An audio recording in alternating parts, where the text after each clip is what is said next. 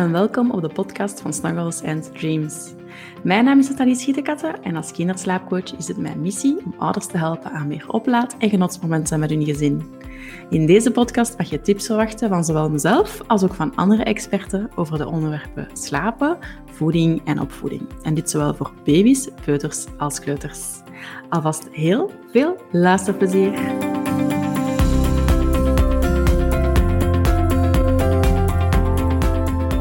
Hallo, hallo en welkom tot alweer een nieuwe aflevering van de Snuggles and Dreams podcast. Vandaag ga ik het hebben over een redelijk gegeerd onderwerp, namelijk Nathalie, mijn baby slaapt nog niet door, wat moet ik doen? Wel, in deze aflevering gaan we daar wat dieper op ingaan. Wat zouden de mogelijke oorzaken kunnen zijn dat jouw kindje nog niet doorslaapt? En vooral, hoe kan je jouw kindje toch die handvaten aanbieden om uh, lekker te leren doorslapen? Let's dive in. Nu, in eerste instantie is het toch belangrijk dat we ook eventjes stilstaan bij doorslapen, die term, wat dat nu juist eigenlijk betekent. Want voor de ene wil doorslapen zeggen dat een babytje vijf à zes uur aan een stuk slaapt. Voor de andere wil dat zeggen dat de baby het klokje rondslaapt, maar wel nog wakker wordt voor nachtvoedingen. En voor de andere wil dat weer zeggen dat je kindje het klokje, klokje rondslaapt en niet meer wakker wordt voor nachtvoedingen. Wel, voor mij, wat mij betreft, is de definitie die laatste. Dus dat je kindje eigenlijk het klokje rondslaapt en dus niet meer nood heeft aan nachtvoedingen. Dat wil daarvoor niet zeggen dat je de weg daar naartoe niet al hele goede nachten kunt hebben. Hè? Dus dat je eigenlijk al zo goed als aan doorslapen zit, waarbij je babytje eigenlijk rustig van nachtvoeding naar nachtvoeding slaapt en dat je dus eigenlijk rustige nachten hebt waarbij je niet in de weer bent met je babytje. Nu, de meeste ouders die mij contacteren of die bij Snuggles and Dreams terechtkomen, die hebben helemaal geen rustige nachten. En die zijn dus wel veel in de weer met hun babytje s'nachts. Waarbij het kindje om het uur, om het twee uur wakker wordt voor een speentje, voor een voeding, voor eenders wat in feite, voor redelijk wat verschillende zaken. En dat je, ja, gewoon de ouders daar echt wel veel mee in de weer zijn om hun kindje terug in slaap te krijgen. Dus die ouders snakken ook wel echt naar die eerste nacht, waarbij het kindje rustig um, ja, van, van voeding tot voeding alvast zou kunnen slapen en vervolgens eigenlijk lekker kan leren doorslapen. Dus dat doorslapen, dat klokje rondslapen zonder nachtvoedingen, dat kan je ongeveer gaan verwachten vanaf de leeftijd van ongeveer zes maanden. Er zijn kindjes die al eerder uh, doorslapen zonder nachtvoeding. Er zijn ook kindjes die pas later leren doorslapen zonder nachtvoeding. Maar dat is zo wel een beetje zo de sweet spot waar heel veel babytjes um, daar klaar voor zijn. En uh, dat is toch vaak ook vroeger dan dat heel veel ouders um, ja, hoe dan wel beseffen. Hè, dat ze eigenlijk al veel langer eigenlijk in de weer zijn met hun baby's nachts en dat ze al veel langer ook nachtvoedingen geven. En soms een beetje een aha-momentje hebben van als ze van mij horen van, ja, maar waarschijnlijk is je kindje echt wel klaar om lekker door te slapen zonder nachtvoedingen. En uh, dat die ouders dan zoiets hebben van, ja, echt? Kan dat echt? Is, is, dat, is echt realistisch? Ja, dat is realistisch. Um, ook jouw babytje zou liever lekker willen slapen s'nachts in plaats van continu wakker te worden. Zeker zo rond de leeftijd van zes maanden is die um, vaste voeding meestal goed op gang gekomen. Hij zit dat eetritme vrij goed. Um, is dat kindje al lang aan het, goed aan het bijkomen? Volgt die groeicurve goed? en dan merk je toch wel dat dat kindje babytjes, uh, dat meeste babytjes daar ook wel klaar voor zijn om fijn te leren doorslapen zonder nachtvoedingen. Nu, dat is geen must. Dat is niet dat dat een uh, cold, uh, een hardcut is, zal ik maar zeggen. Dat je echt je kindje moet op zes maanden doorslapen zonder nachtvoeding. Absoluut niet. Wij werken ook regelmatig samen met um, ouders die, waarvan de baby, waar het babytje al ouder is. En dat we dan werken aan um, bijvoorbeeld nog maar één nachtvoeding in plaats van drie of vier. En dus dat we het eigenlijk eerder rustig gaan afbouwen en dat we eigenlijk um, ja, echt wel eerder werken aan die rustigere nachten en dat het doorslapen zonder nachtvoeding dan uiteindelijk wel vanzelf gaat volgen, maar dat het babytje dan misschien al wat ouder is. En dat is echt ook wel helemaal prima. Elk kindje is anders. Er zijn kindjes die wat langer nachtvoeding nodig hebben en uh, kindjes die al sneller toe zijn aan lekker doorslapen zonder nachtvoeding. Maar dus dat is eigenlijk om te zeggen, hey, dat doorslapen, er zijn verschillende definities over. Het is maar hoe dat je het eigenlijk bekijkt. Um, voor mij is het echt wel van doorslapen wil zeggen dat we eigenlijk naar een nachtje um, slapen uh, kijken zonder nog wakker te worden, waarbij het kindje eigenlijk zelfstandig zijn slaapcycli aan elkaar linkt. Want jij en ik, wij slapen allebei in slaapcycli en jouw babytje ook. Zo rond de leeftijd van vier maanden worden die slaapcycli s'nachts ook ontwikkeld en gaat je kindje eigenlijk continu van cycli naar cycli slapen. En dan kan het dus gebeuren dat voor kindjes die nog niet uh, in staat zijn om die cycli zelfstandig aan elkaar te linken, dat je kindje eigenlijk elke keer na het einde van een cyclus weer wakker wordt en hulp nodig heeft om terug in slaap te vallen. Dus dat is eigenlijk een beetje de, de grote sleutel eigenlijk van het hele verhaal van doorslapen, is dat je kindje moet in staat uh, zijn om die cycli zelfstandig aan elkaar te linken en dat je kindje dan vervolgens enkel nog gaat wakker worden bij een specifieke nood. Hè, kindje is ziek bijvoorbeeld, uh, heeft het koud en gaat echt wel wakker worden omdat er ja, hij een hulpvraag nodig heeft, hè, een hulpkreet heeft die um, enkel opgelost kan worden door mama en papa bijvoorbeeld. Maar we willen eigenlijk vermijden dat een babytje gaat wakker worden om het uur, al twee uur, voor um, bijvoorbeeld een speentje. Of om elke keer terug in slaap gewiegd te worden. Of om om de twee uur een nachtvoeding te krijgen. Want dat is natuurlijk veel te veel. Dus dat willen we eigenlijk vermijden. En dus willen we echt werken aan dat zelfstandig uh, leren uh, koppelen van die cycli. Nu, stel dat je kindje dat eigenlijk al heel goed kan en dat je merkt van oké, okay, ik kan mijn kindje eigenlijk wakker in zijn bedje leggen, valt rustig zelfstandig in slaap, um, maar blijft wakker worden s'nachts. Hoe komt dat juist? Wel, dan gaan we eerder gaan kijken naar oké, zijn er misschien zaken zoals tandjes die aan het doorkomen zijn.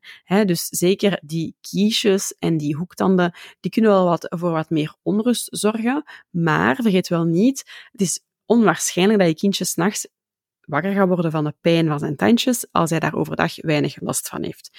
Je kindje moet eigenlijk al vrij miserabel zijn overdag door het doorkomen van zijn tandjes om daar echt s'nachts van te gaan wakker worden. Want als we slapen, ervaren we minder snel pijn.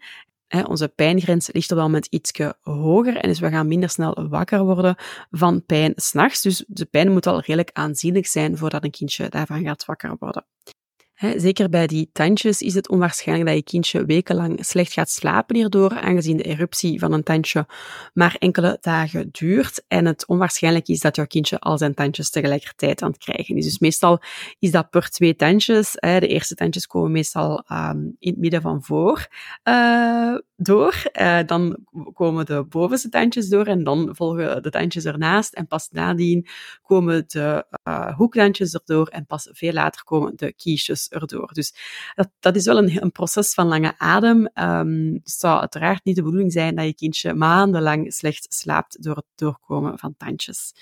Nu, een te koude of te warme slaapomgeving kan ook wel een storende uh, zender zijn. Um, ook eentje dat je redelijk gemakkelijk in principe gaat kunnen controleren door eens te gaan checken van oké, heeft mijn kindje het koud of te warm?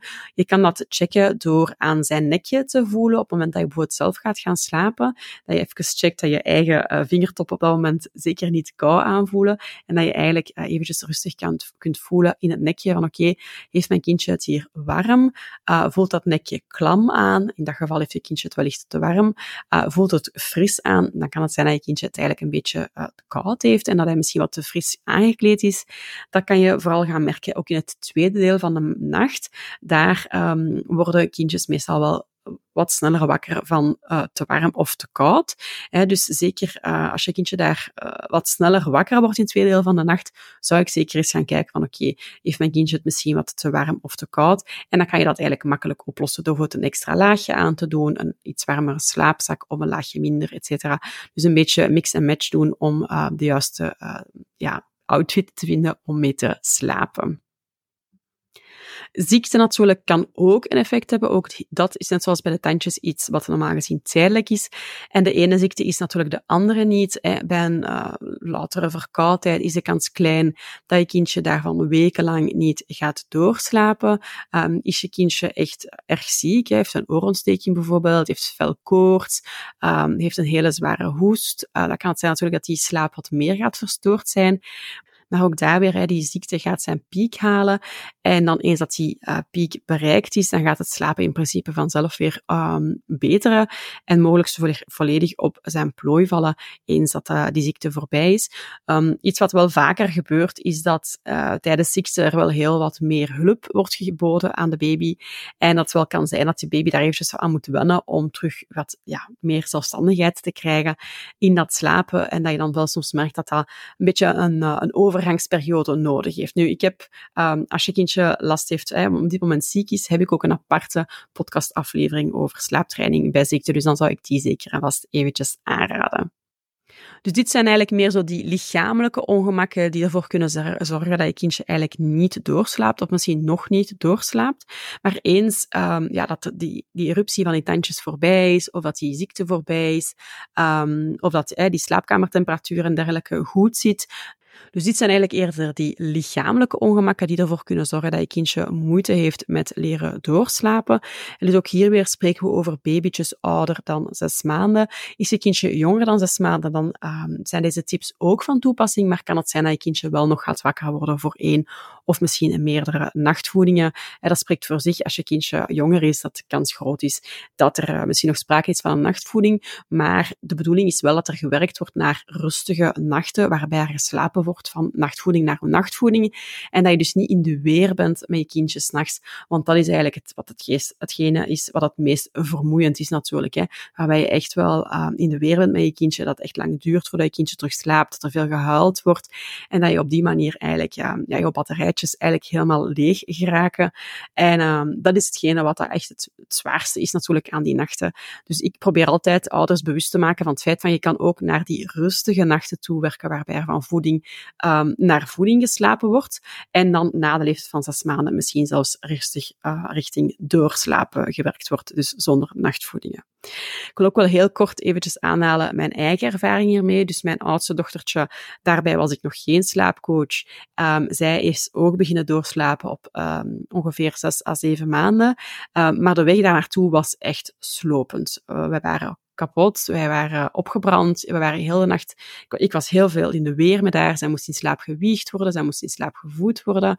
Um, ze had heel veel hulp nodig. Die dutjes waren heel kort. Dat was echt super zwaar. En op zes maanden ben ik uh, slaaptraining, heb ik slaaptraining ontdekt. En er is een wereld voor mij opengegaan. En ik ben dan natuurlijk daardoor ook slaapcoach geworden. En bij mijn tweede dochtertje uh, was ik reeds slaapcoach. En zij is ook pas beginnen doorslapen op zes maanden. Maar de weg daar naartoe was totaal anders. Dat was rustig, die nachten waren, waren, uh, veel rustiger. Zij sliep van voeding tot voeding. Die voedingen waren aangenaam. Dat was echt een, een, momentje waarin ik echt een ja, één op één tijd had met mijn dochtertje. Um, ze kreeg op dat moment ook nog gewoon borstvoeding. Dus dat was eigenlijk ja, natuurlijk zijn die nachten, zijn, is dat vermoeiend om op te staan s'nachts, maar dat was een totaal andere belevenis. En dat is ook de belevenis die ik vooral ook graag wil meegeven aan ouders, van zo kan het echt wel ook. En toen ze zes maanden was, uh, heeft ze van plots zelf eigenlijk beginnen doorslapen en is ze die uh, laatste nachtvoeding die ze op dat moment nog kreeg, um, ja, is ze die beginnen overslaan. En uh, dat was wel een schoon en trots momentje. Dus dat is een beetje eh, hoe dat het bij ons uh, verlopen is. Maar dus er kunnen uh, verschillende oorzaken zijn in het algemeen over ja, dat niet doorslapen. Dus ik, had het al, ik heb het al gehad over dat zelfstandig leren linkje van die cycli. We hebben het dan al gehad over die lichamelijke ongemakken. Maar routine is ook een heel, heel belangrijk element. Dus je moet zien, als je kindje s ochtends wakker wordt, dan is er zo'n soort van symbolisch emmertje dat leeg is en dat doorheen de dag eigenlijk gevuld moet worden met slaapschuld of slaapdruk. Nu, moest je babytje op dat moment dan geen dutjes doen, dan gaat dat emmertje volledig overlopen bij bedtijd. En dat willen we vermijden. We willen vermijden dat het emmertje langs de ene kant onvoldoende gevuld is, langs de andere kant willen we vermijden dat het al volledig aan het overlopen is. En hoe we daar kunnen voor zorgen, is door de juiste routine voor de leeftijd van je kindje te volgen. Dus bijvoorbeeld voor een babytje van vijf maanden spreken we dan bijvoorbeeld over nog drie dutjes doen, terwijl een babytje van acht maanden willen we graag dat er overdag nog twee dutjes gedaan worden. Dus hoe ouder je babytje wordt, hoe minder um, er ja, geslapen moet worden overdag, zodat er voldoende slaapdruk opgebouwd kan worden voor een goede nacht. Dus we willen ook vermijden dus dat het kindje hè, te veel gaat slapen overdag. Dus een kindje wordt van tien maanden nog drie dutjes doet overdag. Dat willen we vermijden, want ja, een kindje gaat daardoor minder moe zijn voor een goede nacht, uh, voor een goede nachtrust. Terwijl een babytje van vijf maanden die bijvoorbeeld al maar twee dutjes doet in plaats van drie, dat kan dan gebeuren dat het kindje eigenlijk oververmoeid gaat slapen en ook dan weer wakker wordt omdat hij oververmoeid gaan slapen is. Dus um, klinkt niet altijd heel logisch, hè, maar um, ja, bij een jonge baby is het zo dat als ze te moe gaan slapen, dat dit echt wel een slechte nacht in de hand kan werken. Ze willen echt wel zorgen dat die uh, routine overdag goed zit, zodat die, um, dat dat eigenlijk de, een goede nachtrust eigenlijk gaat bevorderen. Dus zoals ik al zei, hè, een juist aantal dutjes is belangrijk. Die wakkertijden tussen die dutjes zijn belangrijk. Dat er eigenlijk voldoende slaapdruk opgebouwd kan worden en dat er eigenlijk ja, het juiste aantal dutjes ook worden gedaan natuurlijk. Maar ook dat die bedtijd op een correct uur valt. Want soms denken ouders van, goh, ik ga mijn baby gewoon wat later in bed stoppen, dan is mijn kindje extra moe. Dan, gaat die, uh, nachten, dan gaan die nachten beter gaan. Maar ja, niets is eigenlijk minder waar. Integendeel, het kan zelfs zijn dat je kindje veel slechter gaat slapen s'nachts, uh, net omdat ja, hij veel te laat ging slapen en dus oververmoeid ging gaan slapen. Ja, en een babytje groeit natuurlijk al school, dus al heel snel moet die routine weer gewijzigd worden om voldoende slaapdruk te hebben voor een goede nacht. Dus daarvoor raad ik steeds aan om aan de slag te gaan met mijn routinegids. Daarin staan voorbeeldroutines in die dat je per maand kunt volgen. En op die manier weet je zeker van oké, die slaapdruk is eigenlijk goed verdeeld tussen dag en nacht. En dit gaat die nachten eigenlijk uh, bevorderen en gaat ons kindje eigenlijk kunnen beter slapen van um, ja, bijvoorbeeld voeding tot voeding of gewoon lekker leren doorslapen. Dus dat is echt wel heel belangrijk. We willen die oververmoeidheid vermijden, we willen ondervermoeidheid vermijden en we willen gewoon in het algemeen vermijden dat het kindje eigenlijk een verkeerd ritme um, aangemeten krijgt um, overdag, uh, zodanig dat die nachten eigenlijk kunnen um, op zijn plooi vallen. Zeker ook um, een vroeg vogeltje kan ook wel echt wel, uh, is meestal gelinkt aan hoe de, het ritme er overdag uitziet. Dus uh, ook daar weer gaan ouders soms ook het kindje veel later in bed gaan stoppen, om, zodat het kindje niet meer zo vroeg zou wakker worden. Maar dit werkt het probleem vaak alleen maar in de hand. En er moet er eigenlijk vooral gaan gekeken worden naar, oké, hoe zit dat ritme overdag? Uh, want vaak is, ligt daar eigenlijk echt die sleutel naar, oké, hoe kunnen we overdag een goed ritme hebben om uh, s'nachts eigenlijk goede nachten te hebben. En dan zijn er natuurlijk ook nog medische oorzaken. Ik denk bijvoorbeeld aan een kindje dat heel veel last heeft van koemelk-eiwitallergie, of een kindje dat heel veel last heeft van verborgen reflux of reflux, of misschien van eczeem. Dus verschillende ja, elementen kunnen zijn die natuurlijk die nachtrust gaan, kunnen gaan verstoren. Dat is natuurlijk wat moeilijker um, om echt soms die vinger op de wonden te kunnen drukken van oké, wat, wat stoort mijn babytje nu juist zo hard? Waar heeft mijn kindje echt wel veel last van? En dat is soms vaak wel een beetje een traject om daar de ouders door moeten om te gaan bepalen van oké, welke voeding helpt mijn kindje wel, uh, wel van welke voeding heeft mijn kindje minder last, um, welke, welke medicatie kan helpen, welke crèmes helpen, eh, om echt wel um, ervoor te gaan zorgen dat het kindje eigenlijk geen pijn meer heeft of geen last meer heeft en op die manier dat die nachten eigenlijk snel kunnen uh, opgelost geraken, eens dat die pijn onder controle is. Want het is natuurlijk heel logisch dat als je kindje last heeft van iets, dat je natuurlijk ook wel sneller gaat wakker worden. En het is ook wel zo dat als je kindje eigenlijk um, ja, een beetje een startkind waarin er wel wat ongemakjes zijn, hè, medische ongemakjes, dat um, de ouders ook wel gewend zijn om hun kind eigenlijk zo comfortabel mogelijk te willen maken. En dat zelfs op een gegeven moment, wanneer die symptomen eigenlijk al veel minder erg zijn, of dat die onder controle zijn, via medicatie of via de juiste voeding, dat ouders wel een beetje in een patroon zijn beland waarbij ze eigenlijk bij elk kreetje eigenlijk naar hun baby toe gaan en dat ze een beetje, ja, de kans um, ontnemen aan hun baby om het zelfstandig slapen eigenlijk onder de knie te krijgen. Dus waarbij de baby eigenlijk steeds afhankelijk blijft van zijn ouders om te kunnen slapen, omdat dat een beetje een gewoonte geworden is, met een, soort van patroon gevormd is, um, waar er moeilijk uitgeraakt kan worden. Maar op dat moment is het eigenlijk heel interessant om echt met slaaptraining aan de slag te gaan, zeker als die symptomen, onder, eh, als, die, als die pijn eigenlijk onder controle is en dat kindje eigenlijk oké is, op dat moment eigenlijk echt wel dat patroon te gaan doorbreken en met slaaptraining aan de slag te gaan, zodat het kindje echt wel fijn kan leren uh, beter slapen. Eh, nogmaals, van voeding tot voeding, of misschien lekker kan leren doorslapen, een beetje afhankelijk van de leeftijd. Dus dat is het zo'n beetje. Dat zijn eigenlijk de verschillende elementen die uh, te maken kunnen hebben met het feit, ja, kan jouw babytje wel of niet al doorslapen? Het eerste hadden we dan die leeftijd. Dus je kindje moet natuurlijk al oud genoeg zijn om te kunnen doorslapen. We willen vermijden dat er sprake is van lichamelijke ongemakken, zoals tandjes die doorkomen of een verkoudheid en dergelijke.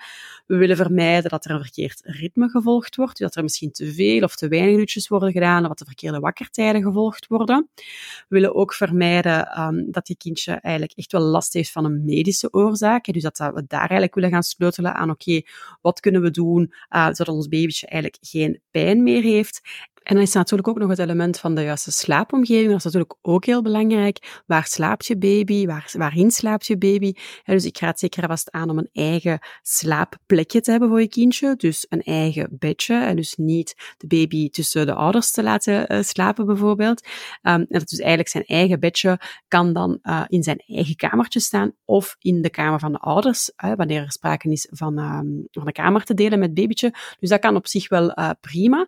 Maar wanneer de kamer gedeeld wordt, dan raad ik wel meestal vanaf de leeftijd van ongeveer vier maanden aan om het bedje te gaan toemaken als er sprake is van een koosliepertje en dus er wat meer um, ruimte te creëren tussen um, het ouderlijke bed en het bedje van het babytje, dat er wat meer personal space is en dat de baby eigenlijk ja, op die manier um, ook wat een beetje een duwtje in de rug kan krijgen om dat zelfstandig slapen dus onder de knie te krijgen. Maar in het algemeen is het belangrijk dat die slaapomgeving uh, ja, uiteraard die slaap gaat bevorderen door uh, duister te zijn. Dat is heel belangrijk belangrijk, want enkel in een duistere kamer maken we het slaaphormoon uh, melatonine aan liever.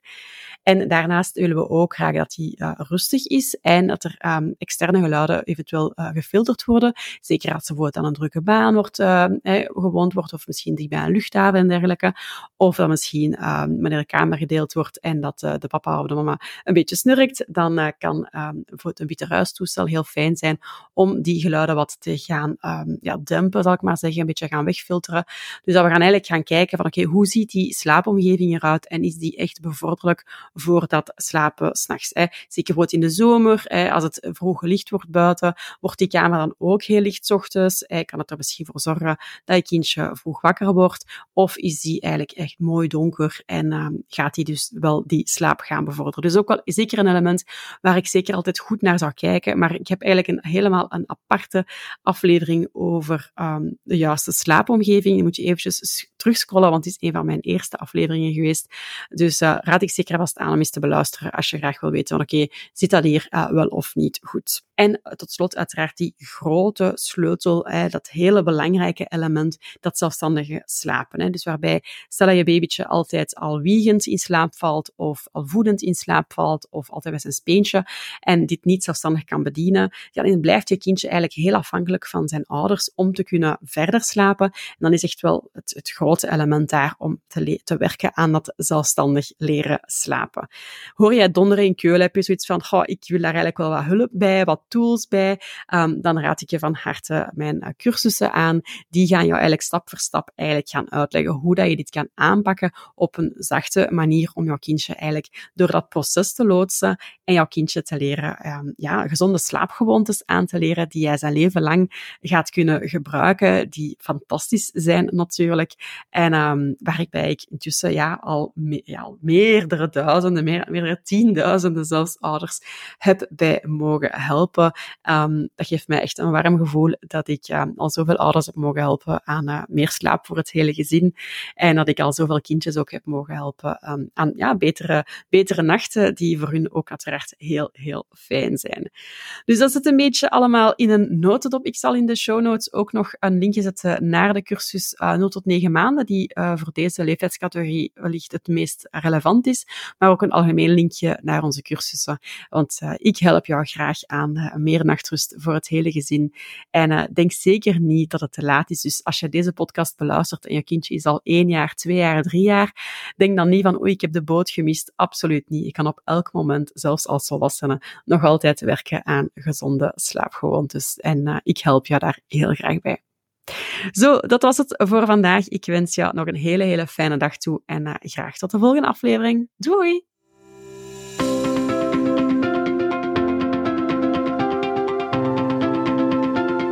Dit was het dan. Ik ben heel benieuwd wat je van de podcast vindt. Laat je het mij weten via een review of via Instagram. Je kan mij vinden via @snugglesandreams, waar ik trouwens ook dagelijks tips deel en een inkijk geef in ons dagelijkse leven.